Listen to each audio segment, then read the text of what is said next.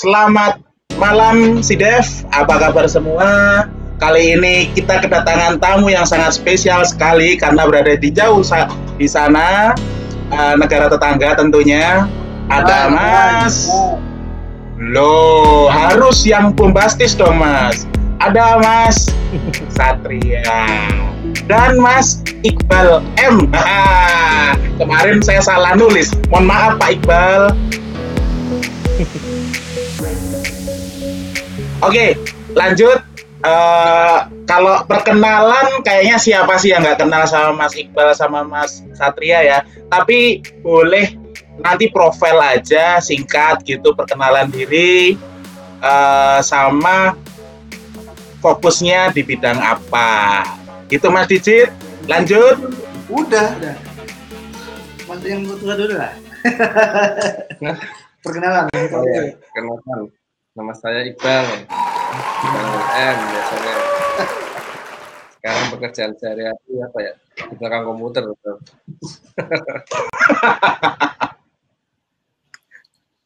Yang jelas uh, sekarang lebih menanganin ke, ke apa ya istilahnya uh, udah nggak hands on lagi sekarang lebih ke apa ya iya risk analysis lah hmm.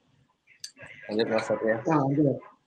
Kalau nama, nama panjang Satria Adi Pradana. Tapi kalau biasanya banyak orang manggilnya itu Mas Gunter. Ini cukup cowok, cewek aja yang manggil ya.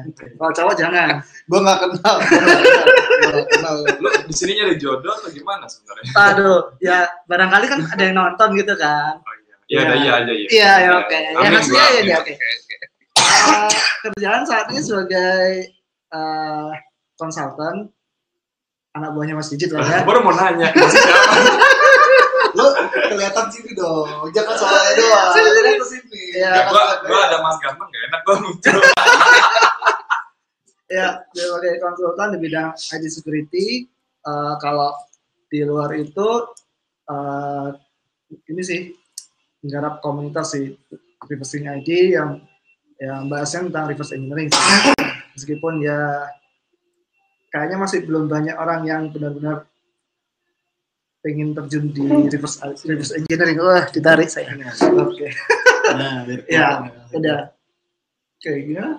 Ayo, Tom, silakan. Ada pertanyaan pertama mungkin. Eh, itu host sebelah kok hilang? Suaranya kecil ya? Halo? Ya. Baru, suara baru mau Halo, halo. Suaranya Tom kecil. Dengar nggak sekarang? Dengar. Uh, kurang besar. Sekarang? Iya. Inilah, belakang sini lah, belakang sini, belakang sini. Ah, Mas, uh, boleh nanya ya Mas ya? Ya. Itu uh, mainan reverse engineering uh, atau malware analysis dari kapan Mas? Kenapa tertarik di bidang itu gitu? Nah itu loh. Kalau reverse engineering mainnya sih mulai dari ini sih dari kuliah karena sebenarnya dulu kan belum banyak CTF ya. Jadi dulu ya belajar reverse engineering itu juga cuma pengen pengen ini aja menyalurkan aja sih ya. Kalau malware tadi uh, malware tertariknya karena ya sebenarnya itu kan sesuatu yang sangat menarik kan kalau misalnya kita bisa melihat uh, ciptaan kita itu bisa berhasil ke mana-mana itu kan? Itu kan sangat, yeah. sebenarnya sangat menarik. Nah kalau misalnya kita belum bisa melakukan hal itu kita ingin tahu bagaimana orang lain melakukan hal itu. Jadi kita reverse-nya seperti itu. Itu zaman dulu seperti itu. Pengen tahunya karena pengen mencontek punyanya orang. Kalau sekarang ya ya pengen ini sih pengen pengen tahu bagaimana itu bekerja sih. Simpel aja kayak itu kalau Mas Iqbal, kalau saya mulai malware analysis itu pertama kali kena virus zaman DOS ya, yang apa yang Michelangelo atau apa itu ya. Nah, zaman DOS ya, Bang. zaman dulu iya. banget tuh ya. Masukin disket kemasukan virus Michelangelo ini kenapa ini sampai tugas sekolah itu rusak semua. Nah, dari itu ini apa sih ini uh, virus itu? Kita lihat. Apa yang nyebabin gitu ya? Uh, Tahu lah umurnya berarti ya. Michelangelo tuh kayak SD. Michael, Michelangelo tahun berapa itu ya? Jangan pakai word star dulu Eh. ya. Kita ini lagi numpang di sini loh. Eh, ini kita lagi singgah di rumahnya Mas Iqbal. Ntar habis ini kita disuruh parking. ya. Parking bareng. Aku nggak ngomong apa-apa ya. parking pengen guys. Barang di luar, barang di luar, lagi di luar ya. Ya, itu udah bukan di dalam kamar. Datengin satpam loh. Oke mas, Mas Rukma ada mau tanya? Tadi yang Mas Tom, kenapa kok uh, tertarik di bidang reverse engineering selain uh, kepo gitu? Apalagi kira-kira Mas Satria? Atau karena memang masih sedikit Sebenarnya sih orangnya? Oh ya. Hmm, nggak juga sih karena waktu itu ada juga satu satu lagi draftnya karena waktu di eh, waktu di SMP dulu pernah kan bikin bikin malware. Cuma kan untuk konsumsi pribadi kan masukin eh, lab gitu. Nah masalahnya pas malware yang belum jadi itu disebar sama eh, teman sampai bikin laptop atau ya laptopnya temen yang lain cewek itu sampai rusak lah saya setelah merasa bersalah padahal padahal bukan aku yang klik lah setelah sampai merasa bersalah gitu ya akhirnya coba pelajari eh, gimana cara nge-reverse-nya gitu jadi ya antara pertama banget SMP kayak gitu. Gue SMP pakai Wordstar gue. Nomornya dong.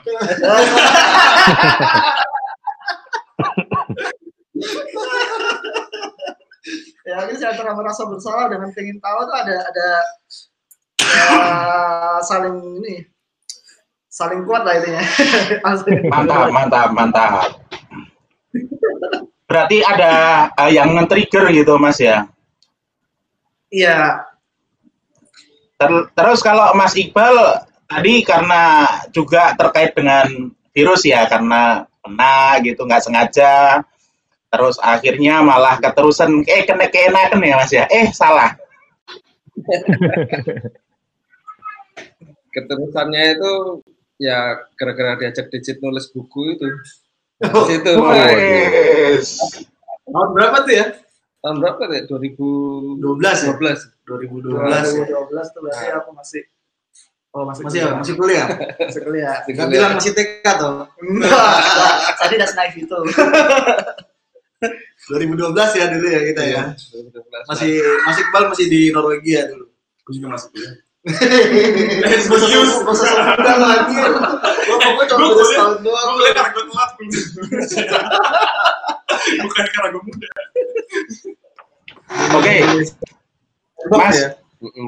Oh ya. ini ngomong-ngomong reverse engineering itu apa sih sebenarnya yang di engineer engineering gitu apakah uh, software atau hardware atau mesin pabrik itu katanya Iya. iya.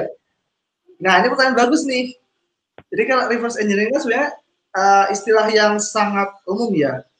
Itu awalnya itu memang di mesin sih. Reverse engineering itu adalah gimana caranya kita membalikkan proses eh, engineering dari kita membuat menjadi kita mengetahui bagaimana di- dia dibuat. Nah, kalau di malware itu ya software. Tapi kalau selain software juga, juga ada hardware, ada protokol gimana caranya kita berkomunikasi itu kita bisa kita pengen bongkar gimana ya ca- cara komunikasi hardware gimana dia bikinnya apakah jalurnya ke sini ke sini ke sini atau mungkin ada apa di chip itu ya rahasia rahasianya kayak gimana caranya kok kita kita tahu eh, barang ini bisa dibikin gitu seperti itu. Dan kalau misalnya sebenarnya kalau misalnya menekuni ini asik karena kita kayak menjadi detektif gitu.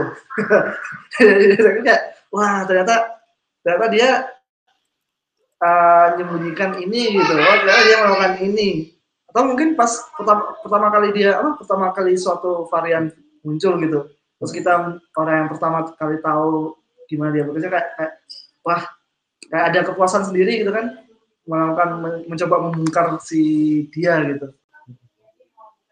ya Gitu sih. Kalau Mas Ibnu gimana?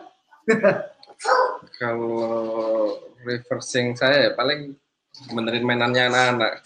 Lah, dirusakin anak-anak kita kan sudah susah membetulkan ini gimana caranya. Iya. Iya, Ini bener. Bisa, balikin bisa. lagi kita kan. Bisa. Ya, Kalau saya seperti itu. Bisa transfer ya. Bener itu sama sih, sama sih konsepnya. Nah kalau kan. Ya, sama. Eh, kalau Mas Satria sendiri di reversing.id itu fokusnya di mana sih sebenarnya? Apa hardware juga atau cukup software aja? Kalau mostly sih software. Mulai dari ya software yang eh, kita nggak bahas yang krek-krekan gitu ya maksudnya. Kita bahasnya teknik yang misalnya teknisnya kayak misalnya gimana sih cara kita nge-patch atau cara kalau misalnya ada obfuscate code seperti ini, cara nge obfuscate seperti apa atau mungkin ada script yang yang apa namanya? yang diproteksi mungkin yang diproteksi, di tag, mungkin apa pun, itu gimana caranya kita bisa mendapatkan eh,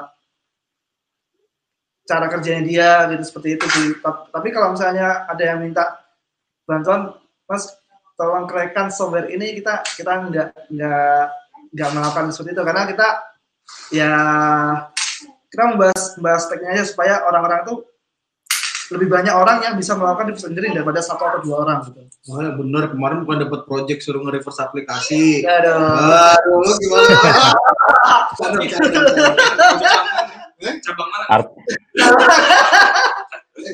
artinya artinya sebenarnya eh, reverse engineering ini kan ya kalau kita ngomongin di hardware atau software atau eh, di mana pun gitu ya eh, bagian dari testing juga kan sebenarnya ya bisa juga eh, bagian dari forensik juga misalkan Iya. gitu ya mas ya kira-kira mas ya Iya bisa. Kadang-kadang kan kalau ada orang yang apa orang yang dari forensik gitu kan nemu satu sampel ya, dilempar ke orang yang bisa reverse gitu kan. Ini software ini ngapain sih? Kok dia uh, mencurigakan dia buka open connection gini, terus dia dari log cuma dapat sekian.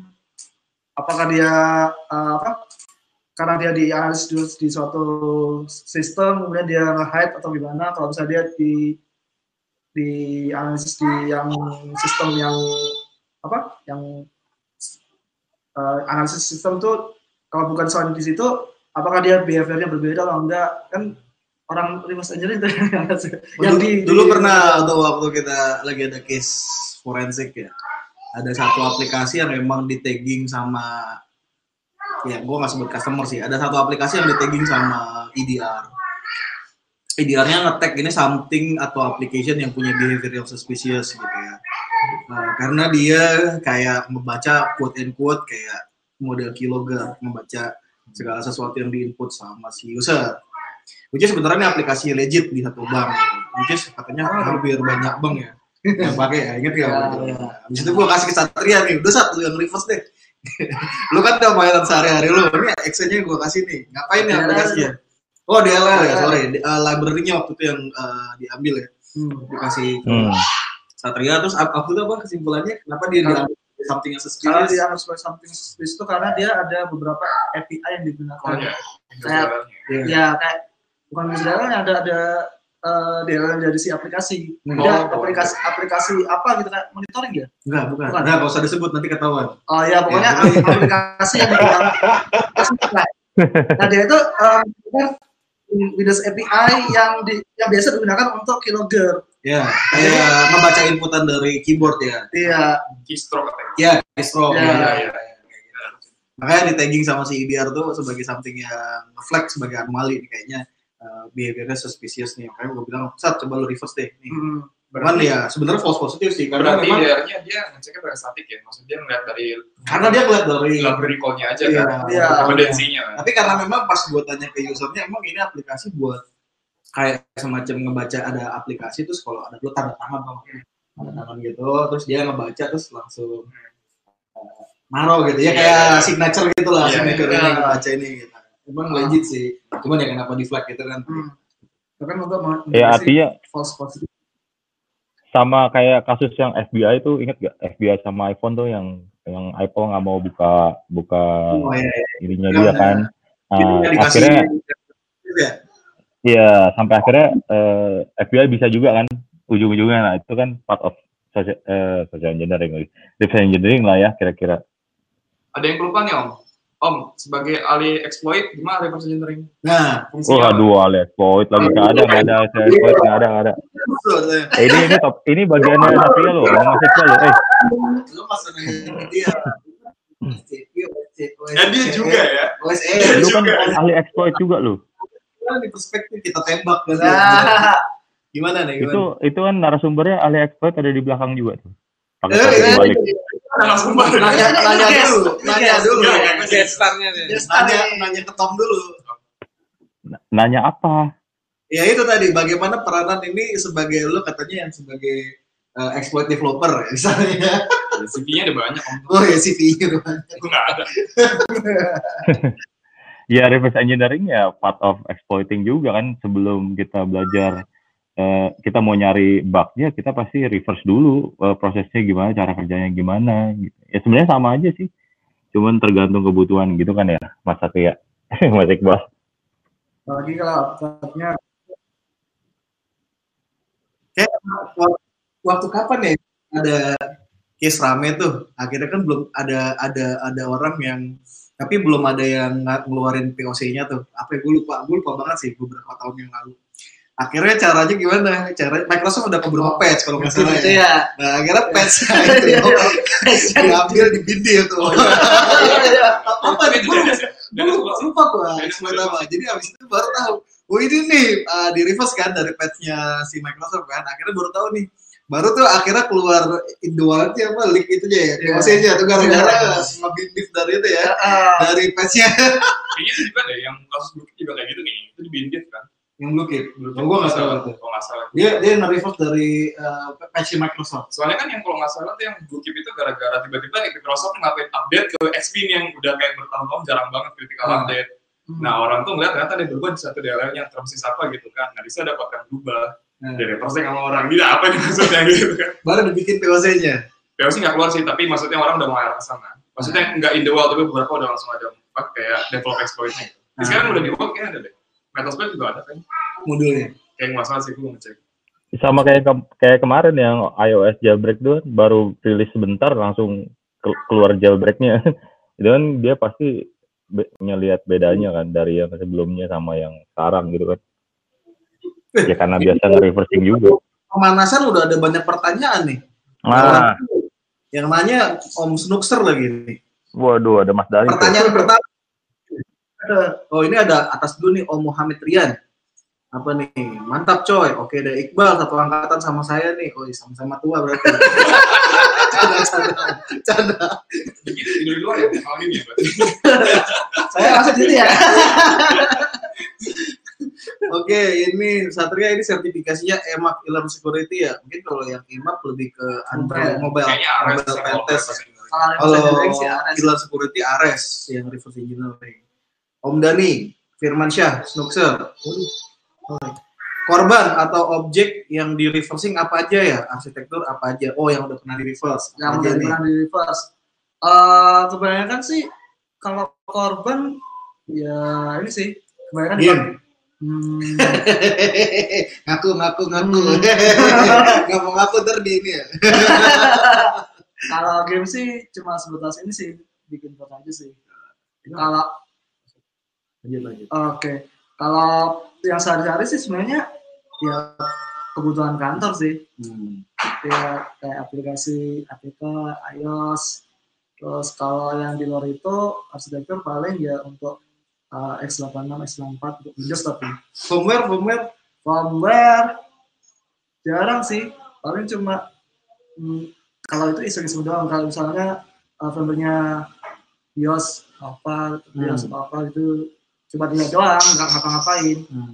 doang sih Arsitektur. Oke, ada yang mobile gitu ya, mungkin Iya, yang mobile application. Android. uh, Android ya. Terus mungkin kayak desktop application. Oh iya, inget gak cerita yang kita itu?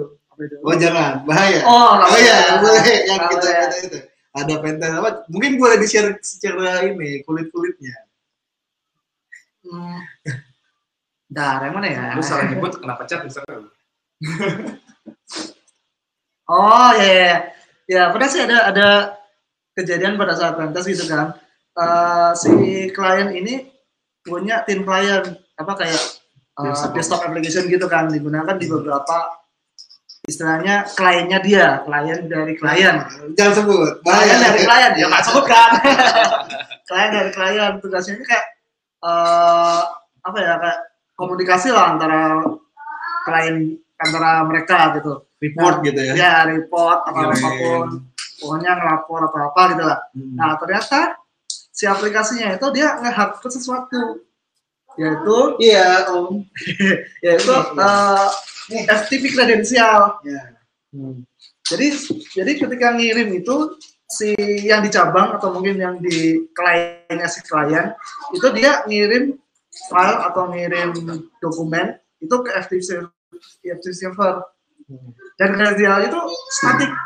Setiap user, setiap klien itu uh, Punya pakai kredensial. sama.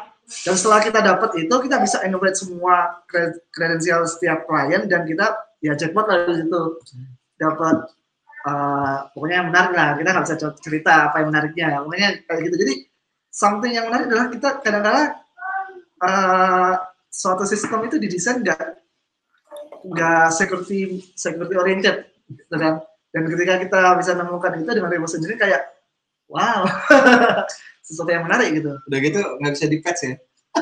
iya Karena nggak- karena nggak- developer udah nggak ada.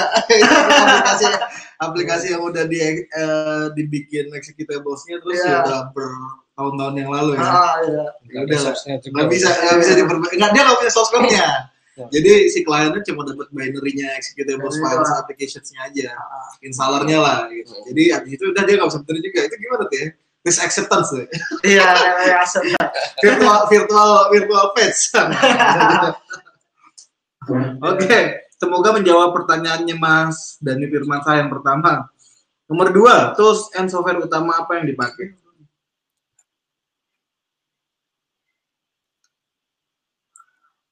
Dulu nih. Ya. Tools and software utama apa yang dipakai? Tergantung platform atau tergantung target sih ya. Kalau misalnya eh, targetnya Windows, executable, kemudian eh ya itu Hail Hydra Pro. ya, ide ide Majabal. Oh, bukti. Oh, Besok gue edit.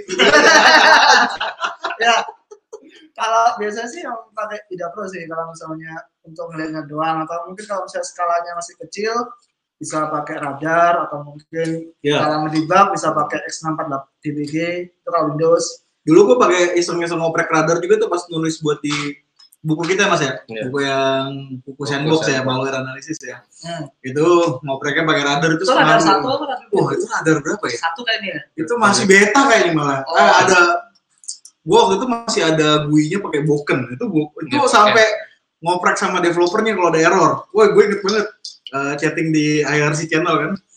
Dia setiap ada perubahan, oh error. Coba dia push lagi, commit lagi kodenya. Coba lagi anjir kata gue itu gue jadi testernya dia. Sekalian ya. Iya, Ingat banget tuh gue lagi di klien pakai Iya. Makrif anjir kata gue. ya Radar ya.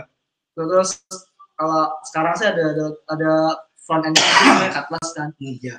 Terus kalau itu untuk Windows, kalau misalnya untuk eh, APK Android itu kalau misalnya untuk decompile doang kita pakai uh, Yep, yep, yep. JB2 Apa tuh? apa Enggak. ya, ya biasanya dipakai buat uh, decompile kemudian kita untuk misalnya kayak rename suatu metode kah atau untuk mempelajari flow-nya atau buat nggak eh, baca asetnya pokoknya menggantikan tools-tools yang kita harus eksekusi manual kayak Jar atau yang lainnya kita tinggal cemplungin gitu aja sih kalau untuk iOS se- sementara ini sih masih eh rada manual sih belum ada tools yang benar-benar bisa seperti Ida Pro gitu kita cuma pakainya Ida Pro buat decompile Hopper, hopper, kodenya Hopper juga bisa Hidra, Hidra. Wah, Kita- itu tuh. Menarik tuh. Lu Enggak, nyoba? Berani, Bang. Gua tidak pernah udah udah gue yang baru yang. Udah terlanjur beli soalnya. dikasih Ya, dibeliin orang. terus terus apa lagi ya kalau kalau ngebaca kode kayak itu pakai Jabro pakai uh, debugger di, di compiler di assembler kalau ada lagi kadang kita aplikasi yang kita gunakan tuh ya komunikasi kan misalnya komunikasi lewat HTTP kah atau komunikasi lewat uh, protokol tertentu saja TCP row gitu kan. Nah itu ada tools lagi yang harus kita gunakan. Kalau misalnya uh, HTTP gitu kita bisa enak. Langsung kita uh, arahkan dia ke Interceptor. interceptor proxy kayak proxy. Kalau misalnya dia nggak nggak mendukung proxy kita pakai proxy viewer. Atau mungkin kita bisa pakai uh, kita Pakai- coding script dari untuk Frida gitu misalnya kita arahkan supaya dia ke ke proxy gitu bisa. Ya macam-macam sih tergantung dari target dan tergantung dari Kebutuhannya. kebutuhannya. Kalau di security reverse engineering itu harusnya software ya. Selama ini kan malware di malware serang di softwarenya. Kan makan di memori ada juga tapi ya wah apa nih maksudnya ya? Mungkin maksudnya kayak hmm, malware yang mungkin maksudnya eh, tadi lu jelasin yang sempet eh, reverse terkait dengan aplikasi Ah, itu bagaimana dengan malware nih gitu Ah. kan ya sebenarnya konsepnya sama aja sih ya dengan dengan konsep uh, reversing uh, tapi maksudnya kayak malware yang ya nyerang nyerang memori itu mungkin Serang. maksudnya kayak ngebanjiri ngelik atau uh, itu kali ya Saya sih. Hmm. atau mungkin memenuhi memori gitu kali ya mungkin nanti kalau kurang jelas uh, Om Muhammad Rian ditambahin lagi di komennya ya. Iya. Pertanyaan ketiga, pernah hooking function atau call reflection function untuk proses reversing ya? ya pernah Sering. pernah Ah, kalau sering sih kita nggak bisa kasih tahu berapa frekuensi tapi Help Frida gitu. iya Frida. saya saya vaksin Frida ini by, by, by the way kemarin kita habis balik dari hari Jumat kemarin kita ikut ini ya apa? ya itu apa Eh, Crashcon. Crashcon. Jadi Crashcon ini uh, conference-nya yang dibikin sama Crash. Uh, Crash tuh kayak organisasi uh, apa ya? Standar. Kayak standar ya, standarnya punyanya UK lah. Karena di Singapura kan standarnya Crash kan. tes terus threat intelligence bla bla bla. ya kita bukan anggota keras ya Iya. Karena materinya mantep-mantep. Nah, di situ Inggris ya. karena kliennya ada orang Singapura juga. Oke. sama kali justifikasi ya ya Bisa ketawa-tawa lu. Kalau kalau dia perusahaannya perusahaan crash, maklum. Uh, ada materi yang menarik apa namanya E EBPF ya. BPF jadi EBPF. kayak ada tools yang dia kalau misalnya kita uh, hooking hooking function itu kan di di server kan Userland. Tapi Nah, dia nah kalau eBPF ini kita uh, di levelnya kernel kernel. Levelnya kernel jadi kita intercept misalnya sistem call apa Ya. kita bisa uh, kita bisa intercept secara secara manual dari pakai juga kayak tadi yang kayak ngoding suatu bahasa C terus ditranslate jadi semacam modul ya Pak. Ya. modul terus dimasukin Jadi kalau kayak Frida ngodingnya kayak uh, untuk bikin functionnya pakai JavaScript, JavaScript kalau EBPF uh, modulnya bikin pakai C. C. Nah, itu Ada keren, tapi keren juga sih pas kemarin kita anjir. Tapi gue rada nggak mudeng juga gitu ya karena mungkin kebanyakan uh, ya, coding level tinggi gitu ya. Gue biasanya cuma Hello World doang. Jadi nggak terlalu mudeng. Itu apa lebih lebih cocok untuk yang Programmer menangani ini ya. low level sih Low level, ya, low level. intercept kalau misalnya kayak intercept uh, modul modul apa di operating system, device driver ya device driver gitu. kalau mungkin mungkin butuhnya itu Hmm. tapi kalau misalnya untuk kebutuhan kayak hooking fungsi di aplikasi Aplikasi mostly Iya. Frida. Hello Frida. Iya. ya Mudah-mudahan jawab Mas Snookser. Eh, eh by the way, eh eh dulu, bentar, bentar. Kenapa nih? Kok? Oh, halo Mas Rukma, Mas. Aman, aman, aman. Aman, aman, aman. Lah, dia yang offline Ya, dia malah.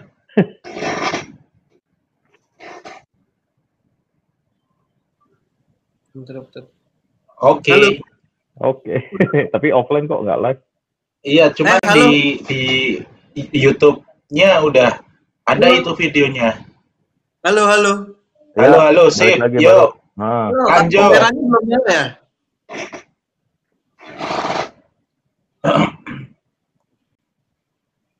Dah. Kelihatan lagi kameranya. ada ada. Sip, sip. Tadi eh, tadi ini enggak ke- keputus enggak eh, pas gua ngomong Mas Satria IBPF? Ini sampai Enggak, mana enggak, tadi? enggak. Udah. Masih kok, masih lanjut. Ya? Tadi nggak keputus kok. Enggak, Aman, keputus. aman. Aman, aman, Aman. nggak keputus. Oh. Jadi buat yang lagi dengerin mau tahu materinya, mudah-mudahan nanti di share. Kayaknya di share sih Mas, materi. Eh, di share, di share materinya. Kalau nggak salah, eh, di share udah nggak. Beberapa di share. Enggak, yang IBPF Android. eh, Oh, ada di share di share. Ada, nanti kita kasih Oh, ya. di Centurion eh, linknya di di apa namanya di Kita coba. Kita ya, nanti di di, di, di kemarin kita dapat ya, materinya slide. Jadi buat tambahan teman-teman belajar. Ntar bikin podcast. bikin report jadi ya, jadi semoga menjawab pertanyaan ketiga yang cooking function atau call reflection untuk proses reversing. Ini kita mau bacain pertanyaan terus nih jadinya. Yang bincang-bincangnya sama apa hostnya jadi enggak. Nih lanjut Nggak aja. lanjut aja. lanjut dari Kita- dari host. Menjawab pertanyaan teman-teman. Lah ya enggak, kalem aja Mas Digit, kalem. ribut ayo ribut kalau enggak Oke, tak ini ya, lempar ya satu satu yang penting. Eh, kalau nggak salah, kalau mau reversing kan ada teknik se- reversing secara statik dengan membaca eh, decompile kemudian baca source code-nya pun kalau misalkan bisa kebaca ataupun dynamic ya Mas ya. Nah, bisa diceritakan nggak seperti apa itu proses reversingnya itu? Ya, kayak aku bicara statiknya aja ya kalau yang dinamik kan udah ada yang nge-review tools nih. Jadi kalau statik ya kita melihat dari bagaimana kode itu sih. Kalau misalnya bisa di decompile ya kita melihat representasinya kayak gimana dia dia ada fungsi apa aja, manggil uh, Manggil apa API aja. apa aja. Kemudian kalau misalnya dia apa? Kalau kita deteksi ternyata dia ada resource yang mencurigakan kah, terus dia akan ekstrak dengan API tertentu, dari itu dari kodenya. Jadi kalau sampai habis ya bagaimana kita bisa kuat-kuatan baca kode. Ya. Nah, kalau dinamik challenge-nya adalah kalau misalnya aplikasi itu eh, diproteksi kalau misalnya di obfuscate atau mungkin dia di Hack. hack ya di ya di apa-apain lah di encrypt, di- ya. atau mungkin sebagian kodenya di dari, server ini Hmm. yang di sekarang di ini cuma kode buat download doang. Dan sebagainya. Itu challenge adalah kalau misalnya kita ngelihat secara statik doang itu kita nggak bisa membaca uh, aplikasi secara keseluruhan Hmm. nah itu bisa karena itu perlu yang namanya dynamic nah, silakan Nah, Mas Iqbal, sediat kalau analisis mungkin lebih ke bahas bagaimana proses yang dianalisis ketika melakukan proses aliran secara dynamic. Untuk saat dynamic terakhir tanya itu Sandbox kita, kita masukkan ke sandboxing Hmm. dan nanti eh, di nanti kan bisa keluar beberapa hasil eh, dynamic analisisnya kan. hmm, secara behavior ya. Behavior Secara analysis, behavior, dia eh, buka port berapa aja, koneksi ke luar atau enggak, atau dia eh, diam aja, terus ketika berapa jam atau berapa hari dia aktif lagi. Dorman dulu ya. Dorman dulu. Mungkin kalau kadang juga bisa juga kayak model kalau misalnya dalam case uh, malware analisis, dynamic analisisnya modelnya kayak uh, ini ya simulate-nya nggak pakai sandbox tapi real real real real apa environment. Tapi ntar kita udah persiapkan nih misalnya uh, sebelum malware dieksekusi kita lihat dulu kita snapshot dari registry configuration atau apa namanya file configuration. Nanti after execution ada perubahan apa biasanya kalau kayak kayak terusnya gitu ya atau nanti misalnya ketika malware dieksekusi kita jalanin paket capture analysis terus gitu ya kalau kita harus dieksekusi ada. Paket apa yang dikirim. Backupnya ya dari backupnya nanti kita minta download ya kita analisis Iya. di belakang. Jadi lebih ke bagaimana konsepnya eh, melihat eh, apa ya ketika perilaku malware ketika dieksekusi ya. Ada juga sih pas uh, dynamic analysis tuh kan ketika dari mana sih kan dia menjalankan aplikasi itu. Nah, ada juga ketika kita melihat kode itu di pack, ternyata untuk nge-unpack-nya itu tinggal kita jalanin terus kita pause kan sudah sudah apa sudah ter-unpack tuh kita tinggal jam itu juga mungkin salah satu sih ya salah satu cara apa cara Tapi Barangkali. banyak yang eh, malware-malware baru juga dia untuk nge-evit eh, sandbox gitu kan. Kalau produk sandbox malware APD kan udah banyak ya. Produk lah banyak lah kita usah sebut. Nah cara mereka meng-evit dari sandbox analisis platform gitu dia modelnya gini.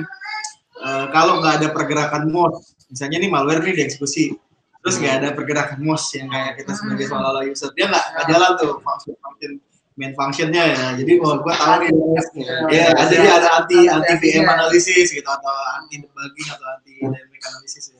Jadi nunggu dia melihat ada pergerakan mouse gitu ya, ya terus ada keyboard Dia gitu. juga apa melihat perilaku kita juga. Iya benar, ada perilaku nih. Sebelum kalau kita lihat perilakunya dia, dia Iya, lihat juga perilaku perilaku gitu.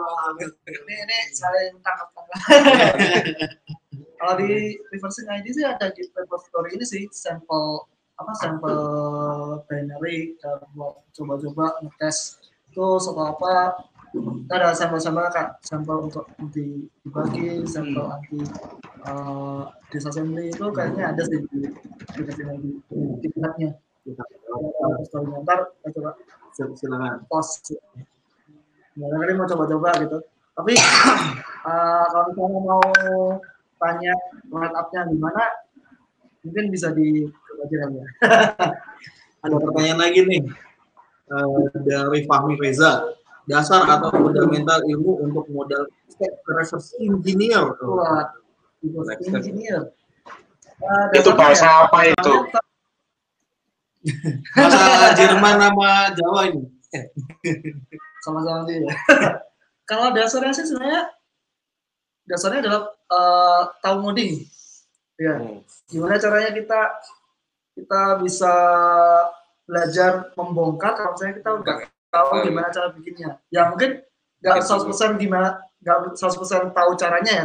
Kita Cara cuma baca, cara ini apa? Membaca kode. kebayang gimana program itu dibuat. Nah, misalnya malware. Oh ya eh, ada payload gitu atau mungkin pada saat nyebar itu dia akan copy apa berarti kan kita harus tahu fungsi-fungsi apa yang bakal digunakan untuk melakukan eh, copy dia ke diska atau mungkin ke kita website jadi kita kita minimal, minimal kebayang eh, apa yang harus dilakukan dan implementasinya bakal seperti apa.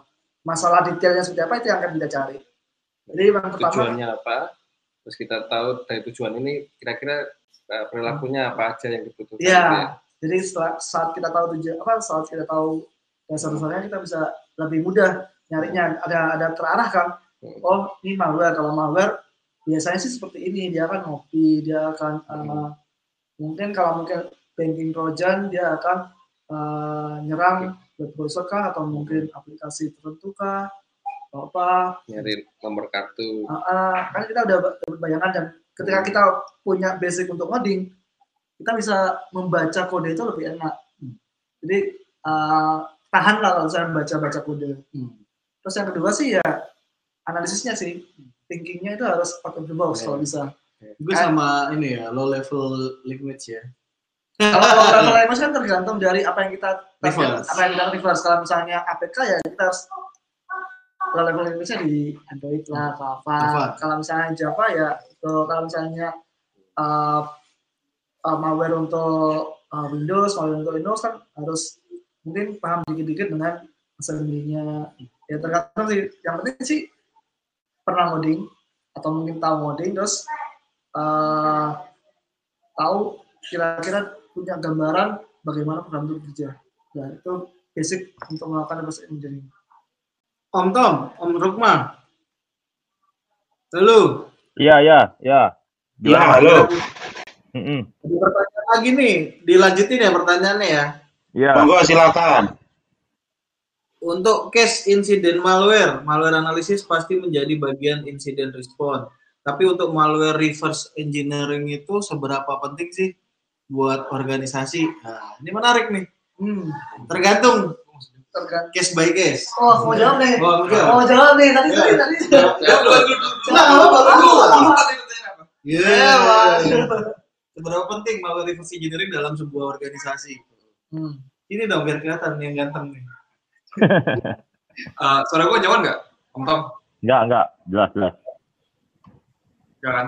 Eh, sebenarnya kalau buat incident response sendiri, excessive malware uh, reverse engineering itu nggak terlalu utama ya nggak sih? Tergantung. Tergantung. Tergantung. Tapi sejauh mana sih lu bakal pertanyaan? Sejauh mana lu bakal juga ngelakuin? jam buat kami. Di live coy, ada yang samping. Iya, eh, gimana? Oke, jadi sebenarnya tergantung sih. Sisi respon itu kan kita kan battlingnya sama waktu ya, iya nggak sih? Sedangkan kalau reverse engineering terlalu eksten- ah, yang terlalu ekstensif, agree. yang tujuan lu adalah untuk mencari tahu malware itu ngapain aja itu nggak Ya. penting. Terus sebenarnya malware reverse engineering itu sejauh lu butuh nyari IOC-nya sama Ya. uh, gimana penyebaran dia. Ya. IOC maksudnya indication of apa sih compromise ya. Mungkin Jadi tepatnya sebenarnya eh, proses reverse engineering dilakukan itu tidak pada saat insiden response sih. ya Gue agree kalau statement lu karena kalau udah sampai ke reverse engineering itu biasanya kalau di di istilahnya di SOC gitu ya, udah L3. Ya kan biasanya kalau insiden response itu kan bagaimana secepat mungkin eh, eh, mencari tahu ya triage ya, mencari tahu uh, cause-nya sehingga bisa secepat banget di contain terus di eradicate gitu kan. Kalau kita udah sampai ke proses malware analysis mungkin sebenarnya lebih tepat itu dilakukan pada saat investigasi forensik sih sebenarnya. Jadi eh, ketika kita sudah melakukan insiden response kita tahu root cause-nya, malware-nya di mana misalnya atau oh ini proses yang suspicious nih. Terus ada executables-nya. Pada saat insiden response itu kita ambil dari evidence, terus proses eh, sudah kita contamin, contamination, terus habis itu kita eh, apa namanya eradicate ya problem utama terus back to production baru tuh habis itu kita analisis lebih deep oh di reverse tujuannya untuk sebenarnya ini yang menarik juga sih. Kebetulan juga kemarin gue belum lama ada ikut kayak drill test dari sebuah lembaga lah.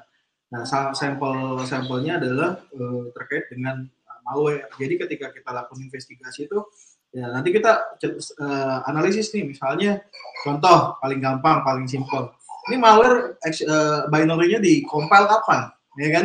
Pada saat kita melakukan static analysis kan kelihatan tuh ya kapan di compile oh ini di compile udah lama dua tiga tahun yang lalu. Ini berarti ini sebenarnya bukan sophisticated malware mungkin ya istilahnya eh, common apa eh, bahasa itu commodity malware ya commodity malware yang bukan eh, targeted. Bahasanya kalau di orang produk nih biasanya community community malware gitu kan. Nah, istilahnya eh, commodity malware itu kayak eh, ya sifatnya random lah. Semua orang bisa diinfeksin tapi yang misalnya ceritanya itu udah dapet nih satu binary terus upload misalnya ke sandbox atau ke platform kayak VT, Hybrid Analysis, VMware, Juice Sandbox.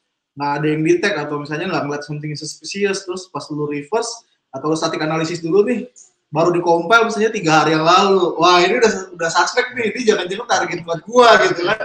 APT nah di sana baru kita ngomong seberapa penting itu penting banget. Kita perlu banget itu untuk di reverse untuk tahu ini eh, misalnya contoh yang paling simple ternyata pas di reverse kita lihat di situ ada function-function yang nge-evade atau nge-bypass misalnya eh, antivirus. Misalnya ternyata oh ada nih dia eh, punya function untuk killing eh, antivirus brand. Misalnya dia ngecek nih nge-search di proses ada proses misalnya namanya tmcm.exe ya karena gue pernah baca satu report threat intelligence dari Farai gitu ya.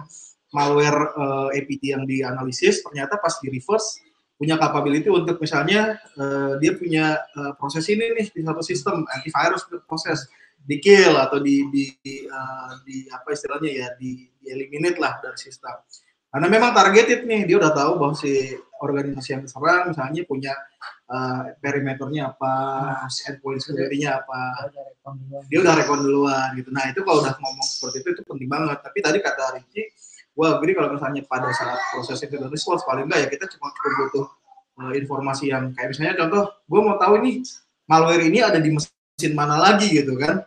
Ya kita cukup misalnya simpelnya dapetin hash gitu ya untuk kita lakukan compromise assessment atau hunting across the networks gitu kan. Siapa lagi yang punya hash ini atau mungkin indikator ini. Misalnya gue punya domain URL untuk gua screen uh, scanning ke semua network mana nih siapa aja yang kontak callback ke domain ini atau punya hash ini gitu kan. Untuk kemudian ya di uh, apa ya dikit lagi untuk incident response. Tapi kalau untuk forensic case-nya tadi justru executables atau malware spesifik targeted kita itu penting banget untuk kita lakukan proses engineering itu menurut. Makanya kalau untuk efektif dan efisien mesti open pakai yaitu buku sandbox Iya, karena lebih saving time kan kayak iya. yang buku kalian. Iya kan? Iya coba buku terangin apa coba? Iya, lanjut ya. lanjut. Pertanyaan mewakili banyak orang ya. Ya Om Digit, nanti step buat tim sendiri ya, apanya apa ya kayak Android jadi jar dulu atau apa ya? Mungkin menurut Satria nih, Oke. iOS, IPA, IPA. Kalau reverse engineering kita reverse engineering ya. Ya. Kalau reverse engineering sih yang penting adalah pertama kita tahu kita dapetin Oh enggak, dia nanya spesifik iOS. iya enggak Oh ya, lo mau jelasin dulu harus, cara. harus harus tahu apa kita harus dapetin aplikasinya kan Ya. kalau misalnya kita nggak bisa dapetin aplikasinya misalnya punya apa uh, uh, iPhone-nya masih jail, apa masih belum di jailbreak atau apa kan kita nggak bisa reverse Hmm. jadi tahapan pertamanya adalah ya kita bisa dapetin IPA-nya apa enggak Hmm. binary-nya bisa kita dapetin apa enggak Neko. Uh, kalau misalnya uh, pen testing atau mungkin uh, activity yang legal itu kadang-kadang kita dikasih IPA-nya, nah, itu kita bisa langsung di langsung eksekusi. Tapi kalau misalnya enggak, ya kita harus Enggak nih maksudnya apa? kalau nggak dikasih, Ilegal atau ilegal? Eh, Misalnya mau Nggak aplikasi izin. ya. ya katakanlah itu lah.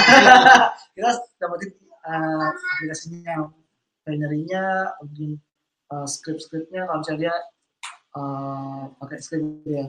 Terus kita harus cari, cari tahu nih aplikasi ini dia dibikin pakai apa? Apakah dia native? Misalnya uh, pakai Swift terus langsung code bla bla Swift doang gitu. Objective C. Objective C. Atau dia pakai framework Hmm. kayak misalnya React atau mungkin uh, Yang multi multi ya platform. pokoknya multi platform kan mulai banyak loh ada lagi juga Delphi dia ngeluarin dia ngeluarin uh, apa bisa compile ke APK atau mungkin IPA gitu kan kalau nggak salah kan uh, masing-masing masing-masing framework atau masing-masing platform ya, itu dia punya karakteristik sendiri dan cara kita ngeteknya itu berbeda. Kayak misalnya si React tadi React Native dia sebagian besar code-nya itu diimplementasikan di JavaScript. Jadi kita nggak perlu uh, ngebanyakin waktu untuk nge-reverse di binary-nya. Karena di binary-nya itu paling cuma step buat jalanin JavaScript-nya. Atau mungkin ya seperti itu. Terus logiknya itu ya di JavaScript-nya. Jadi kita save time-nya kita analisis di JavaScript-nya. Langsung aja. Ah, ya. Eh, s- itu tahap kedua yaitu gimana caranya kita cari tahu identifikasi aplikasi itu seperti apa. Nah, tahap ketiga itu berdasarkan apa yang saya kita identifikasi. Kalau misalnya tadi kayak, kayak React, tadi kita karena semua script itu sebagian besar ada di JavaScript, ya udah kita reverse di JavaScript-nya, kita baca codingnya. Kalau misalnya native, ya kita baca eh, assembly-nya dari compile, kayak gitu sih. nah, yang menariknya kalau misalnya ada proteksi, misalnya aplikasi di, di, di obfuscation. Hmm. Nah, kita harus step berikutnya adalah kita harus dapetin uh, logic utamanya instead of logic yang udah di obfuscate. Karena nanti lo ngebaca, karena kalau lo udah di obfuscate lo nggak tahu ini variabelnya apa gitu. Mencari tahu variabel apa itu nggak seberapa penting sih. Yang penting adalah logiknya ke mana. Kadang-kadang kalau misalnya obfuscate itu kita mau menjalani satu fungsi gitu ya. Dari A harusnya Dari ke A B harus- ke C, tapi ini A ke C dulu, ke D baru ke B Iya, gitu. pokoknya dilewat-lewatin lah dari sini harusnya ke sini, tapi dia lewat ke sini, ke sini, ke sini baru ke sini. Atau mungkin satu fungsi dia dipecah jadi berapa lokasi gitu, terus dia diputar-puterin gitu. Udah, ya, ah, kita harus harus uh, kalau kita harus mengantisipasi kalau misalnya ada seperti itu. Itu sih tahap-tahapannya itu sih. Oke. Sama ya Mantap. Oke, apalagi nih? Empat. Waduh, ada lagi nih. Mas Nuxer banyak nih. Mumpung ada Tom. Wah, Tom, lo masih online kan Tom? Masih. Nah, ini tuh pertanyaan buat lo nih Tom. Cerita pengalaman dan motivasi take away. Ini ada yang ini juga. Vergindo, si Snoopster. Ini se- se- sepuh. Eh, Ya, ntar abis Tom Richie Vergindo. Aduh, ini ini gini mas, ini kan eh, topiknya malware, reverse engineering nih, malware. Kayaknya nggak elok ya. Kita kopi darat aja, kopi darat. Boleh, pertanyaan out of, out of topic boleh dijawab di sini. eh gimana ya mas Rukma?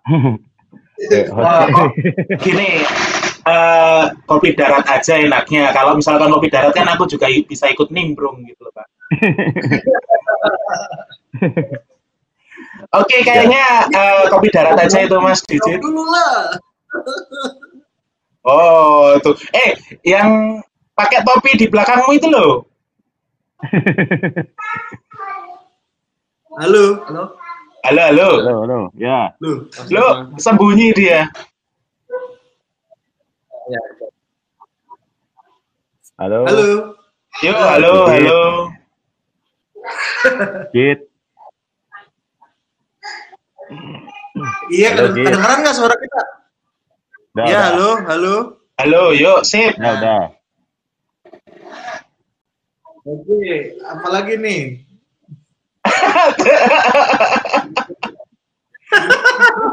kita pertanyaan doang nih dari grup nih, eh dari grup dari YouTube. Kesimpulannya untuk RE di RE level di bidang security sama dengan intermediate dan advance ya. Bisa jadi. Bisa dibilang seperti itu. Untuk yang masing pasi di bidang security susah juga ya. Ya ini ini pakai popok dulu kalau masing pasi berarti ya. Bercanda mas, bercanda mas. Wah kode saya sudah lama nggak megang 2003. Tidak. Wah ini umurnya udah tawan nih. Oh, nggak apa-apa saya juga. AWE, AWE, AWE juga reversing dong, dibalikin lu sama Mas Dani Firmansyah. Ampun Mas Dani, ampun. jawab dong, lu berarti nggak boleh nggak jawab ini udah ditungguin sama dia. Gimana Mas Rukma, hostnya? Boleh, boleh Mas Rukma, Mas Rukma nggak boleh nanti nggak pulang dia. Iya tapi boleh. Itu coba kalau pakai Kalau Mas Tom kan udah mending kopi darat aja berarti kan banyak tuh yang mau bisa di share. Nah kalau yang pakai topi gimana itu? Yang pakai Mau topi menjawab sedikit. Richie Udah Vergito. dilepas ya, topi dilepas ya. OSEE, OSEE, GCIA, calon GRID, ISO 27001 bro, ya, apa lagi? Panjang ya, ya, panjang juga ya, panjang. Sama Tom juga. Jawab dong, Apa apa? pengalaman. AWE. Eh, saya sedikit trauma sih waktu itu. Kenapa Bisa.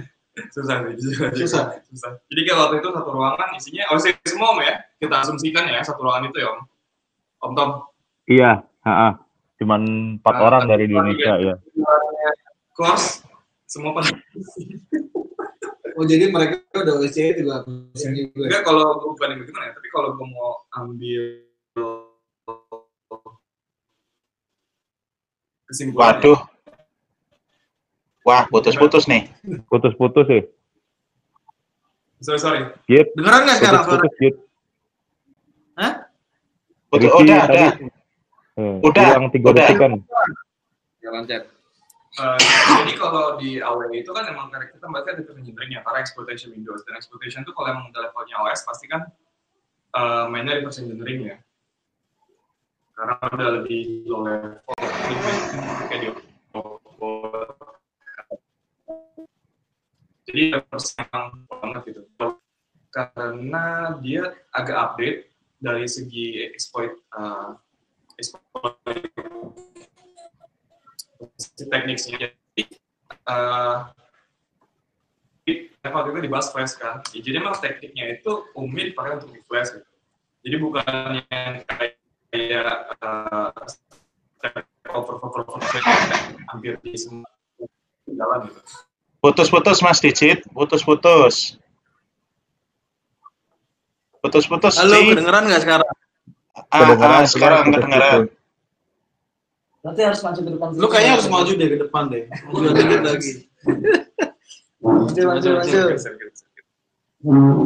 Eh, Ci, Ci, Ci. Ci. Lu Jangan, narasumbernya kan nggak ada. gantian. jangan. Halo, gimana? Udah kedengeran nggak? Ya, Udah. Aman. Udah, udah. Lu, lu, lu, lu ceritanya yang bisa didisclose dulu aja ya. Jadi jangan terlalu ini nanti enggak kita ada sesuatu cerita yang bisa diceritain aja gitu maksudku. Iya bisa diceritain kok semuanya tenang aja ada syllabusnya ada kok di website. ya jadi kalau eh, karena eksploitasi Windows operating system lainnya itu kan emang levelnya di apa namanya di operating system ya, which is pasti reverse engineering itu eh, perlu banget. Apalagi kan karena karena satu juga di satu materinya adalah kernel exploitation. Hmm. Jadi emang kita main di level kernel yang which is kan pasti uh, levelnya low lah gitu. Dan itu agak sangat intens karena beberapa tekniknya juga bukan teknik yang apa ya om, om Tom kayak kalau Stack Overflow itu kan istilahnya di Windows semuanya bisa jalan kan, cuman karena sekarang udah mulai Deteksi. udah kedeteksi jadi mereka udah ada kayak protes-protes segala macam kan. Cuma kalau di dua modulnya itu kayak specific attack buat Edge sama specific attack buat Flash. Jadi tekniknya tuh kayak sedikit berbeda sih, kayak sedikit out of the box. Jadi kita ngikutinnya tuh kayak jadi sesuatu yang baru banget gitu. Tapi itu sebetulnya kayak sesuatu yang sebenarnya bisa juga nanti somehow somewhat suatu waktu bisa obsolete gitu modelnya. mungkin, mungkin. Soalnya beberapa tekniknya, bahkan part of tekniknya tuh emang spesifik buat teknologi itu gitu. Misalnya Jadi kayak, mungkin di, di versi update berikutnya di Microsoft udah nggak ada gitu. eh, Bisa iya, ada kemungkinan ada seperti banyak. itu. Kemarin kita bahas Flash sih. Hmm. Jadi kan Flash itu kan ada cara mekanisme sendiri gitu kan. Nah, teknik itu cuma ada di Flash. Jadi ya kita kayak nyerap sesuatu yang baru gitu. Maksud gua kalau ketika di OSI itu kan lo tetap aja kan buffer overflow dan paling nambah egg hunter which is kan kayak norm di aplikasi kayak gitu. Ini lebih spesifik sih. Betul nggak? Om? Om Tom? Ya, Suara kita jelas nggak apa patah-patah? Sip, ada sip, agak putus. aman tadi. aman. Nah, Aman ya? Iya, ini kayaknya ini nih Wici nih memang gara-gara dia. Gimana ada teman? Oh, paling tambahannya itu eh, kalau dibilang obsolete sih, ya kadang eh, exploit kerentanan itu kan eh, reuse ya, reuse dari kerentanan sebelumnya. Nah, di reverse lagi tuh biasanya kan patch-nya. Nah, ya kira-kira begitulah. Ya kalau mau dibilang obsolete sih mungkin ke depannya satu saat bakalan bakalan obsolete, tapi mungkin satu ya ya bisa di reverse juga lah, di reverse lagi gitu. Bisa kelihatan nge-patch ini, oh ternyata patch-nya masih bisa di reverse lagi, bisa dimanfaatin lagi dan lain-lain. Ya akhirnya exploit-nya nggak pernah habis sih. Ya kalau enggak, ya jailbreak itu stop berhenti sih. Ya kayak gitu. Ya Oke. maksudnya kalau satu teknik nggak jalan, maksudnya pasti bisa obsolete. Tapi karena emang tekniknya chaining, jadi ya eh, bisa ada cara lain yang untuk untuk yang obsolete itu kan mas. Kan ada satu tiga part nih misalnya. Tiga nomor tiga bisa obsolete ke depannya. Mungkin ada teknik baru lagi yang bakal nutup yang Iya. Mm-mm.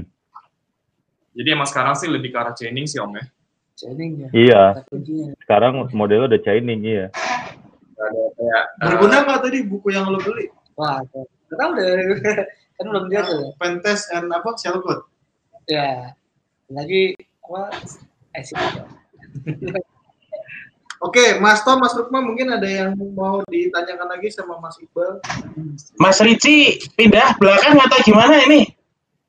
Ganti Iya, ganti. pindah lagi ada kan. Udah, udah, udah cukup. Udah cukup. biar kedengeran tadi suaranya. Biar jelas.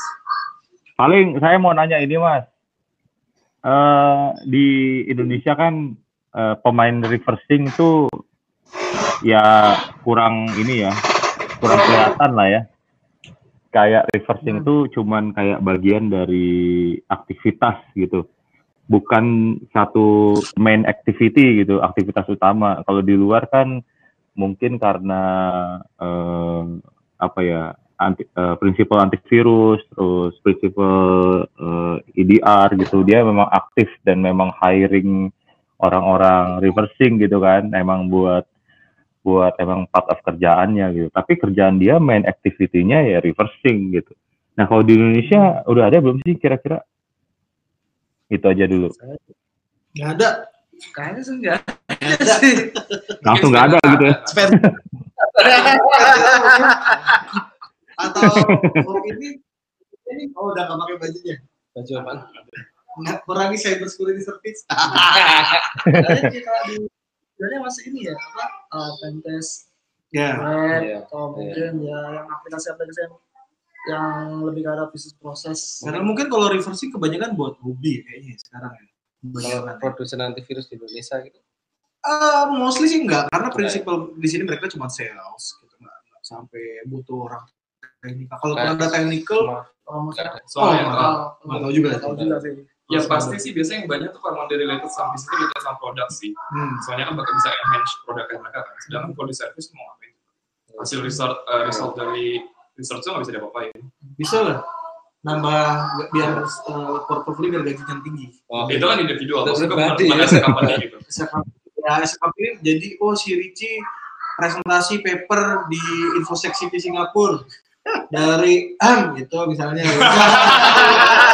Nah, seru, misalnya gitu kan lama-lama naik gitu pengalaman pengalaman mungkin kalau yang gue lihat sih belum ada sih kalau reverse yang digunakan di Indonesia sih kayaknya masih terbatas itu. mungkin kalau justru kalau kayak modelnya malware analisis juga sih engineering malware analisis juga di sini sih presence-nya eh, antara kebutuhan untuk ke arah sana belum sampai di luar mungkin kalau di luar karena ya kayak analisis kayak contoh lah grup sekarang ada banyak vendor baru kan kayak grup ID ada FireEye, Mandian gitu yang service yang which is kerjaannya memang eh, misalnya dari threat intelligence-nya dapat malware terus mereka butuh untuk reverse untuk anak malware analisisnya itu relate banget kalau di Indonesia sih gue belum lihat sih yang butuh sampai sana. Paling ya kayak kebutuhan untuk sekedar forensik, investigasi ya. uh, cuman ya dari sisi needs-nya nggak terlalu nggak terlalu banyak.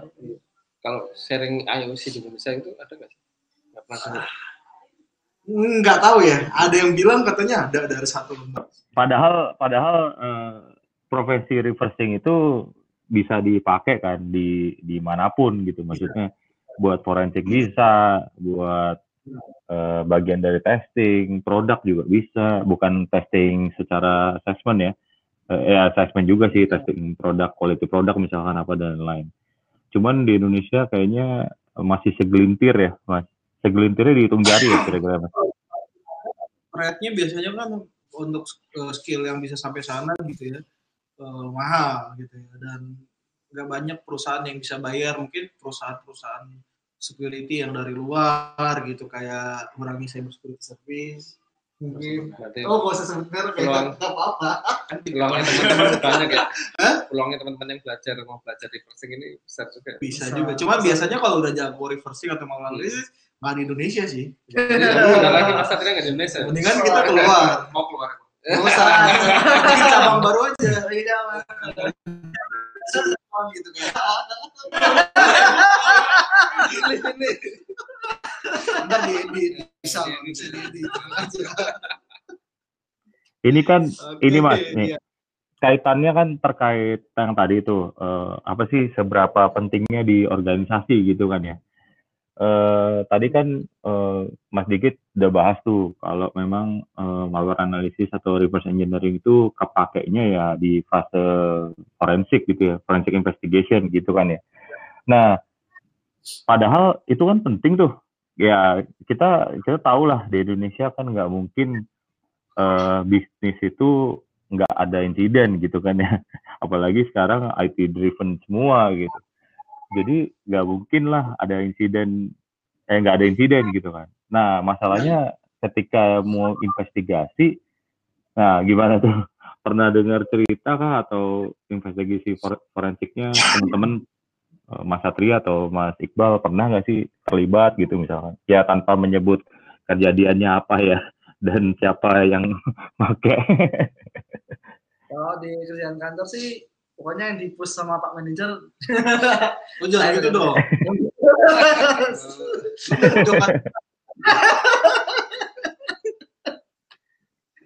Ya artinya artinya pernah di Indonesia berarti profesi ini ada sebenarnya gitu ya maksudnya secara secara pekerjaan itu dimungkinkan cuman memang, memang mungkin ke- ketutup sama profesi lain ya. Misalkan kayak Mas Satria ini apa? Eh, security consultant gitu ya.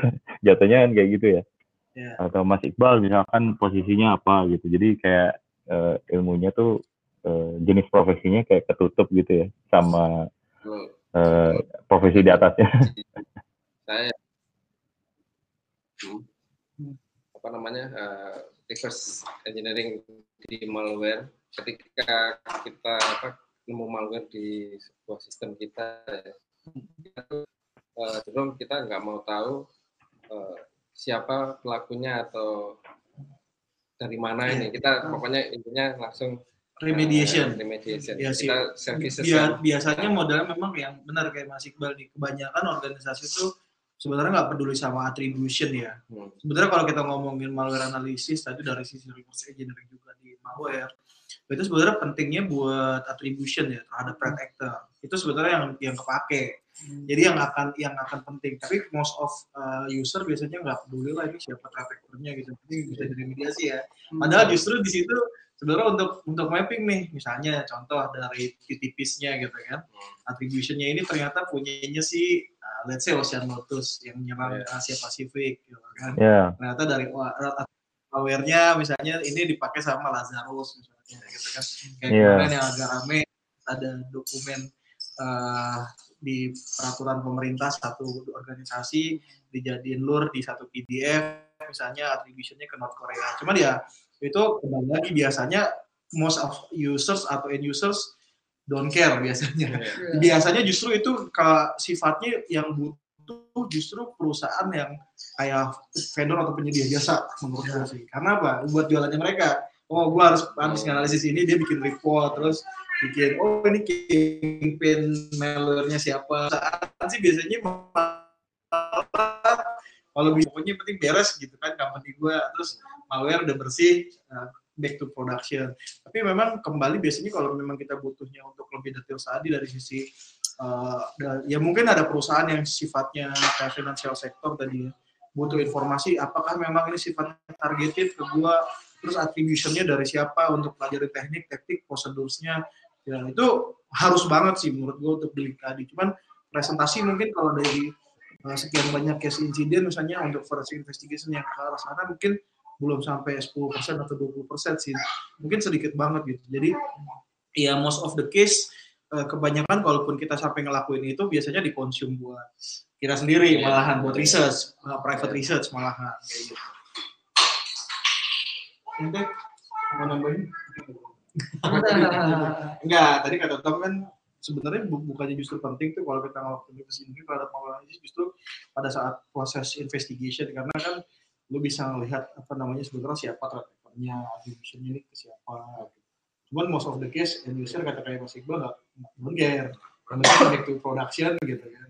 gitu.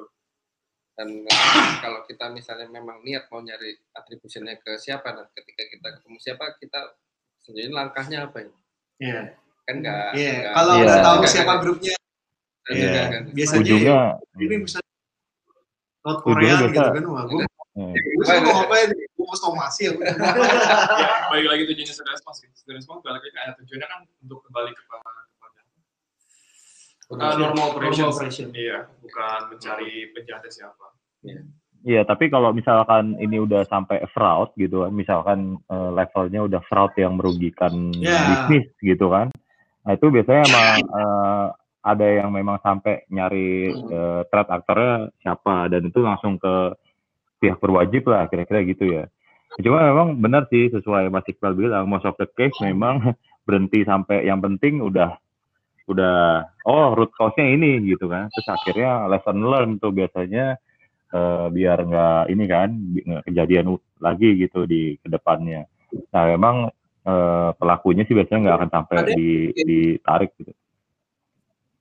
Gimana Mas Sigit? Ada yang case kayak gitu tapi bukan jadi kayak threat sih. Waktu itu misalnya ada yang minta eh, salah satu end user gitu ya, satu financial sector minta untuk investigasi aplikasinya untuk yang udah jadi jangan-jangan nih ada mantan programmernya nge-backdoor. Hmm, Itu sebenarnya nggak ada hubungannya sama sebenarnya threat yang sifatnya sophisticated kayak uh, apa, iya. threat kayak aplikasi itu ada suspicious untuk kita butuh lakuin reverse engineering untuk melihat apakah ada function yang memang modulnya untuk backdooring atau misalnya untuk merubah transaksi sehingga perlu diinvestigasi. Tadi mungkin kasusnya kayak fraud tadi sih. Cuman ada case case yang kayak tadi lu bilang.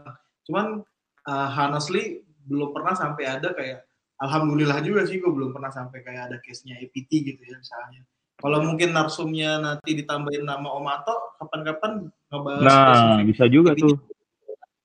Lagi Omato. Dia kayaknya udah Iya. Mana-mana. udah ke mana-mana dia, udah Nah, ah, nah, pasti di pengalaman kan, case-case di luar negeri mungkin hmm, banyak juga nanti kita coba ke Omanto ya besok ya.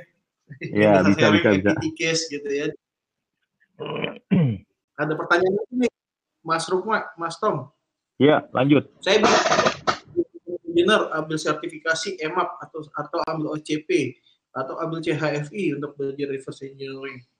Sebenarnya kalau mau fokus reverse engineering juga justru bukan semuanya ya. Ya, kalau eh, apa IMAP kan bahas eksploitasi atau Mobile application. mobile application. Sebenarnya pentest mobile sih. OSCP juga lebih ke pentest pentest infrastruktur. Kalau apa CHF itu kan forensik. Ada memang partnya kayak reverse Reverse. engineering, cuman small part banget. Nah, Kalau mau ngambil reverse engineering dan malware analysis, kalau mau ngambil certification tuh GRAM. Dari sana. Siap reverse engineering malware itu spesifik memang atau Ares. ARES kalau ARES. em kalau Elon Security itu ARES Advanced Reverse Engineering apa Software. software itu masalahnya kalau sertifikasi namanya itu eh, ARES namanya bukan ada itu course-nya. oh kosnya ARES ya ini eh, EC apa cert, apa ECR. ECRE ya, ECRE Ya, Ares itu ECRE. Ares itu E. ECRE. Tapi sebenarnya kalau engineering cuma general term aja. ya. Dan reverse engineering itu nggak cuma di software aja. Sebenarnya tergantung mau apa yang mau dipelajarin. Ya. Nggak bisa Iya. ya bilang mau belajar reverse engineering ya apa gitu maksudnya. Ya, jadi mau main di Windows ya Windows gitu. Main mobile ya mobile gitu maksudnya. Jadi Ya. fokus ke mana kita Ah, tentukan dulu fokusnya sih. Iya, tentukan fokusnya dulu bener. Halo, halo. Mas Iya, Lukman mau ada tambahan silakan nih ke narasumber Gini, tadi kan mau nentuin fokusnya di mana dulu. Kalau boleh saya bilang, kalaupun fokus di reversing, pun di reversing fokusnya ke mana dulu kan gitu kan Mas Satria ya. Jadi kalau mau semuanya bayangin aja berapa bahasa pemrograman kan gitu ya. Ya, berapa ini sih berapa waktu yang harus dibuangkan diluangkan atau mungkin terbuang untuk berpusing-pusing gitu. belajar lebih profesional. jadi, jadi kalau Contoh saya tuh kalau eh, apa kan eh, apa ya CTS-nya sering di di diselenggarain ya sama FireEye ya, Flare itu ya, Flare Flare CTS kan. Nah itu itu tuh yang ceritanya Flare itu kan? Oh, Flare. Flare. Pernah sih. pernah Menyala. Yang berapa tahun berapa Tahun kemarin tuh. Tahun Oh, atau, atau ini yang Pico CTF ya. Pico CTF tuh dapat device kalau nggak salah ya. Pernah nggak Pico CTF Kasih kayak embedded embedded embedded embedded ini embedded device kalau nggak salah. Gue dapatnya juga info dari Om itu apa namanya Eh, Om Yohanes, Om Yohanes. Hmm, nggak salah. Ya itu flare buat challenge tuh kalau yang tertarik. Kalau dari Flare dia ada dua kompetisi nih. Flare. Flare on sama labirin. Oh iya. labirin ya. Kalau Flare on tuh benar reverse engineering in general, jadi lu nggak bakal nggak bakal ketemu satu tipe reverse engineering gitu. Ini. Iya nggak sih? Iya. Dari Android, web, Nah, apa sih semua namanya? ya. web debugging, sama Iya. Linux, Windows. Mungkin tambahan lagi atau mungkin apa apa sih sumber oh, mungkin Mas Rukma, Mas Tom, gue tambahin juga pertanyaan nih. Kalau Kesatria dulu, kalau buat resource buat belajar reverse engineering, mungkin course yang free atau sumber bacaan ke mana? sumber bacaan. Iya. Sebenarnya reverse ID Gak usah promosi, yang lain. Gue tahu reverse ngaji nih. Sengaja bikin baju ini ya. Eh, ini, ini acara Cidap pun Oh, udah iya. jadi bintang tamu nih. Oh, iya. Cepat cepat. Cid, kamu itu ngajak gelo tak Cid?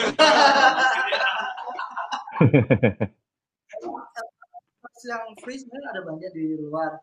Eh, Itu yang cewek, yang cewek. Siapa? Aziria. Ya, Aziria Labs. ada, ada banyak sih kalau misalnya ini di apa namanya? Eh op- open in open security training. Apa Iya, seperti Open ya. Ya, itu. Nah, terus eh Tapi kalau kalau yang Aziria ini lebih ke apa? ARM ya, sama referensi. ada juga di sini Marble Unicorn. Oh iya, unicorn Oh, yang cewek. unicorn. Ya, Oh, unicorn. bukan siapa namanya? Unicorn eh Malware malware unicorn. gue lupa malware unicorn. Iya. Oh iya, malware unicorn. Itu ada malware juga. unicorn. Nanti kita share linknya deh ya. Ya, linknya ntar di Itu share. eh, mungkin bacaan-bacaan yang bisa membawa untuk ke reverse engineering malware. Kalau misalnya yang eh, generalnya itu tadi di open security training, terus baca-baca baca-baca buku sih. Ada beberapa buku kayak misalnya eh, bukunya apa ya? Bukunya beginners.re Oke, iya sih itu Oke, siapa? Ya. Dani yang orang Ya, Rusia ya? ya, Ya, iya. Baik tuh dia. beginners.re. Beginner RE, beginners.re. Dibagi-bagi. Itu punyanya orang Rusia dia bikin. Dia ditranslate di bahasa Inggris juga ada. Sama itu sih practical malware analysis kalau mau. Nah, Nah, ya, itu ya, ya, ke spesifik malware. ya spesifik Ya. malware itu bagus tuh bukunya eh, apa namanya? eh, practical bukunya No Stark ya. No Stark Press. Hmm. Itu cakep sih. Buat research tuh kalau mau Mas Iqbal mungkin kalau untuk malware analisis mungkin ada apa pesan-pesan atau apa resource-nya bahan bacaan. Kalau sekarang saya karena udah nggak sempat baca-baca atau melakukan lab atau macam-macam paling saya cuma dari apa Twitter Hmm. terus dari apa namanya grup-grup apa grup security teman-teman ini Oh. banyak sih Twitter karena di situ kan kita follow yang orang-orang Iya, yang udah pengalaman dan lain-lain di situ kita tinggal lihat setiap hari Case oh ada case ya. baru nih Kalau gua harus biasanya. LinkedIn. oh ya LinkedIn ke juga follow bisa orang, betul, betul. follow orang yang, yang jadi leader di sana misalnya yang di malware analysis, di Hmm. reverse. gitu. Oh, Iya. kalau suka nonton YouTube, itu si Live Overflow. Oh iya, live overflow itu juga Iya, bagus iya. tuh. Itu. Mungkin Ricci ada tambahan sih? kalau reverse engineering gue dulu pertama kali jadi waktu pertama kali main security eh, jadi kan gue dikenalin sama senior ya ya dia main di ya hacking lah segala macem kan terus gue nanya belajar di mana gue dikasih Corella Oh iya benar, Oh, benar. iya. Corella. itu gue belajar Corella tuh belum tahu apa tuh Corella namanya web hacking segala macem gue nggak tahu Corella langsung gue baca di situ Korelan iya, Korelan coder. iya Eh, Korelan tim ini korelan.bi itu bagus banget. gue security gue nol suruh langsung belajar buffer overflow gue Tapi langsung jadi master. Iya. Oh iya, sama buku, buku reversing the, the Re- reversing the secret of reverse engineering. Itu juga bagus. Iya, gue baca itu soalnya. Iya. Itu sama oh, practical itu gue juga Sama ini gak ngerti gue Bruce Day apa namanya Windows uh, bukan ada apa reverse ntar dulu gue lupa. Bruce Day Tenang aja sih, gue baca buku itu juga nggak kayak baca novel. engineering X86 ini bagus sih cuman kalau lu mau ngomong di Windows ya tadi kan ada yang ngomong tuh di Windows exploitation ya kernel exploitation. Itu bukunya Bruce Deng bagus tuh yang gue barusan posting di grup Uh, practical reverse engineering X86 X64 uh, ARM Windows kernel reversing tools and options itu bagus juga.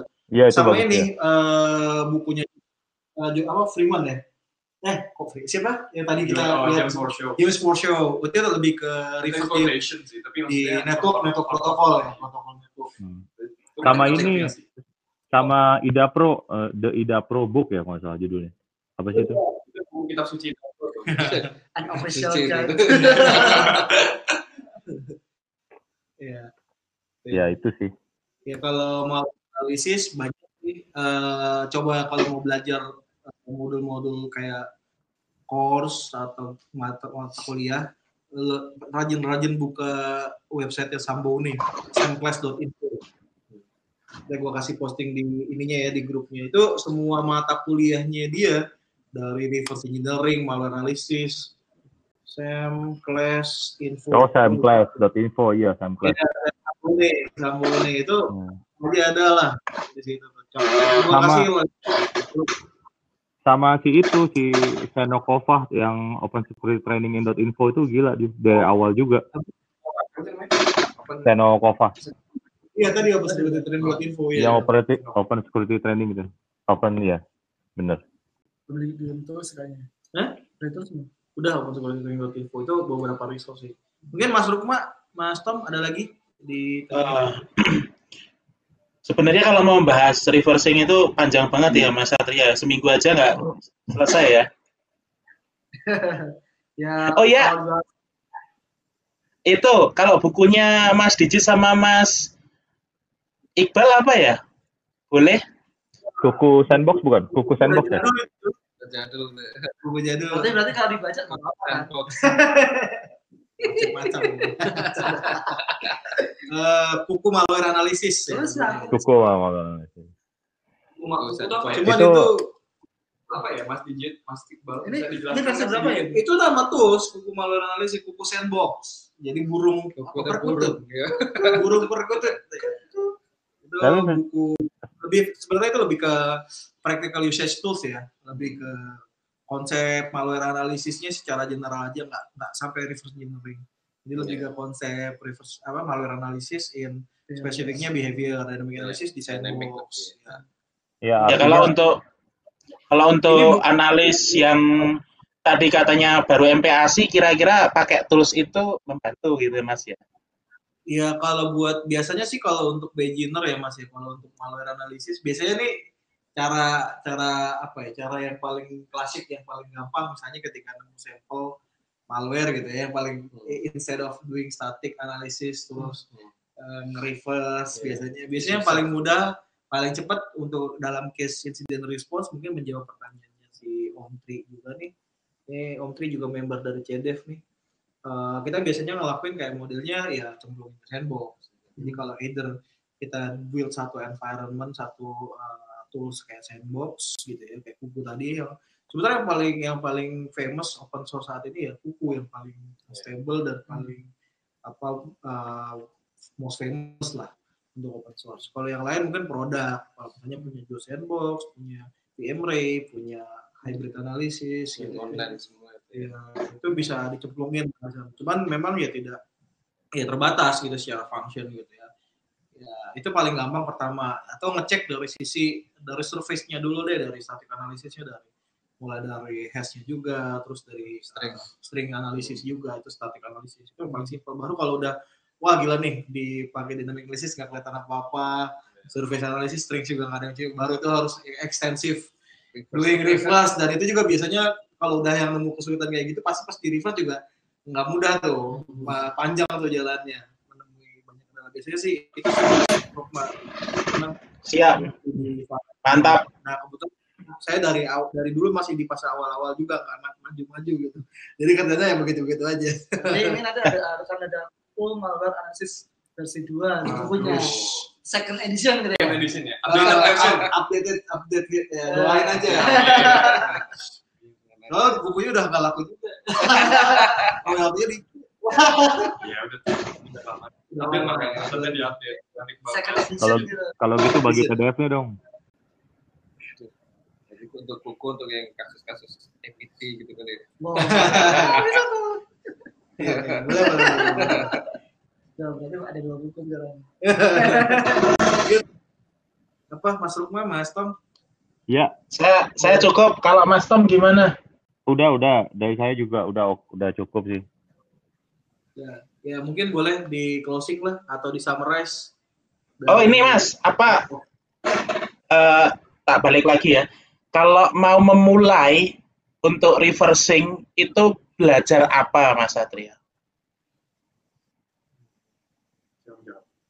ya lu jawab Terus siapa nih? Apa Eh, ya? Mas Satria, Mas Satria. Memulai belajar reversing secara umum berarti ya? Iya, secara umum aja. Uh, secara umum kita nggak nentuin target ya, misalnya mau target eh, apa? Mau Windows kah, Linux kah, Android kah, atau iOS gitu ya. Yang pertama kita pelajari ya, sebenarnya sih yang pertama kita pelajari adalah eh, basic frameworknya apa? Targetnya itu, targetnya itu, kemudian belajar program, kemudian ya sebenarnya trial error sih, kayak belajar program ini itu hasilnya kayak apa terus kita coba Bikin lagu. balikin lagi eh, source code-nya seperti apa sih kalau di reverse kayak gitu sih belajar belajar belajar belajar secara trial and error ya Mungkin yang kita kuasain dulu kali ya, misal kita Iya. dulu menguasai bahasa apa, pemrograman apa, Iya. terus kita bikin suatu program, terus kita balikin lagi, Iya. seperti apa. Kira-kira Iya. cocok nggak hasilnya antara yang kita buat sama yang kita balikin tuh? Iya. eh, kira-kira cocok nggak? Kalau cocok berarti udah benar. Hmm, yang gampang sih sebenarnya C sih. Dalam artian nggak terlalu banyak, nggak terlalu banyak apa kayak eh, tambahan-tambahan. Kalau misalnya kayak eh, si Kelvin misalnya atau mungkin eh, Phoebe atau apa, kan dia ada tambahan misalnya bagian staf untuk eksekusi apa ada ada ada karakteristik sendiri-sendiri yang paling gampang dipelajari ya si kita bikin yang aplikasi yang sederhana terus kita lihat behaviornya terus kita lihat kode hasilnya seperti apa. Jadi kita bisa membangun kayak kayak kita namanya kayak uh, mental model. Kita terbiasa melihat kode itu dalam representasi binarinya gitu. Ya baru Mantap. setelah udah baru setelah menguasai itu kita alihkan ke yang lebih tinggi lagi. Misalnya tadi cuma ketahui kayak fungsi mandul fungsi kayak apa kalau loop itu kayak gimana kalau misalnya uh, if itu hasilnya kayak gimana dan sebagainya. Lebih dan lebih tinggi lagi kalau misalnya uh, apa kalau misalnya fungsi-fungsi yang dipanggil secara berurutan itu kita ngetrace-nya kayak gimana kalau ngedebugnya kayak gimana kayak gitu sih.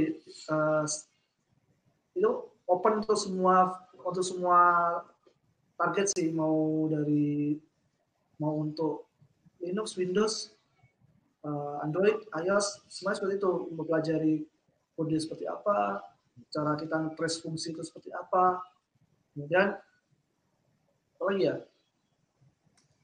Setelah itu mulai ke bagian spesifik framework atau mungkin ke bagian uh, spesifik spesifik function kayak misalnya manggil API itu kayak gimana fungsi-fungsi spesifik misalnya dapetin uh, dapetin network, dapetin bisa connect ke internet atau mungkin mapping atau mungkin uh, koneksi URL, download, upload atau sesuatu yang lain tuh kita pelajari fungsi-fungsi yang spesifik. Uh, harapannya supaya kita bisa mengenali itu kalau misalnya fungsi itu di obfuscate kan lebih apa gitu. Itu sih ya Pak, tahapan-tahapan untuk universal sih. Siap. Terima kasih sangat clear sekali, Mas Satria. Uh, untuk summary. Oke. Okay. Masih ada nih. Oh. Apa? Lanjut, ada pertanyaan lagi atau mau masuk ke summary? Ini udah satu setengah jam. Ya, mungkin bisa langsung ke bisa di summary kali ya. Oke, kita coba summary untuk reversing reverse engineering ya dan malware analysis itu bisa dibilang sangat membantu dalam proses penanganan insiden di suatu organisasi. Tapi ada beberapa hal yang perlu diperhatikan yaitu untuk melakukan reversing ini juga uh, takes time atau uh, bisa dibilang kalau butuh waktu untuk melakukan itu. Makanya kalau terkait dengan insiden respon itu pastinya uh, di di step yang di luar dari sampai eradicate yang penting sampai eradicate dulu. Oke, okay. Kalau untuk malware analisis tadi ada beberapa tools yang mudah di-share, uh, salah satunya ada buku yang bisa langsung, terus kalau untuk reverse engineering ada Frida yang biasanya dipakai, kemudian Ida Pro, kemudian tadi udah di-share uh, sertifikasi apa aja yang bisa dicoba uh, gather informasinya kalau misalkan mau fokus di dunia reversing eh reverse engineering. Terus uh, untuk basic memulai dengan uh, memulai di bidang reverse engineering ya harus fokus gitu Mas Satria ya. Jadi nggak nggak hanya sekedar uh, saya juga pengen bisa reverse, saya juga bisa apa nge ngedefend suatu attack gitu. Bakal nanti bisa uh, fokusnya gagal. Kalau menurut saya ya. Oke, okay, kira-kira gitu dulu aja untuk uh, podcast kali ini. Ada terima kasih buat Mas Iqbal selaku narasumber dan Mas Satria uh, dari reversing.id udah melawan meluangkan waktu. Ah? Kita selaku host di rumah. Ini kita Oh iya, tambah selaku Mas Iqbal yang menjadi host beneran di rumah. Terima kasih. Singapura mas. Hah? Oh, kapan Singapura? eh, nunggu eh, approval dari Bapak Bos saya. Oke. Terima kasih buat Mas Ricci, Mas Dicit, Mas Tom yang udah eh, berkenan untuk meluangkan waktu eh, seru-seruan di podcast Sidef. Wah, tadi Mas eh, Ricci juga jangan tersinggung ya, tak suruh ke belakang lagi nanti eh, kekal nanti yang sebelah Mas Dicit kalah ganteng sama sampean kan gitu. Oke, terima kasih buat terima kasih buat yang udah join di chat ya. Wah, sungguh apa luar biasa buat Jangan lupa like and subscribe ya Cah eh, podcastnya si Dev. Podcastnya si Dev loh Mas. Oke. Terima kasih. Selamat malam. Bye bye. Bye bye.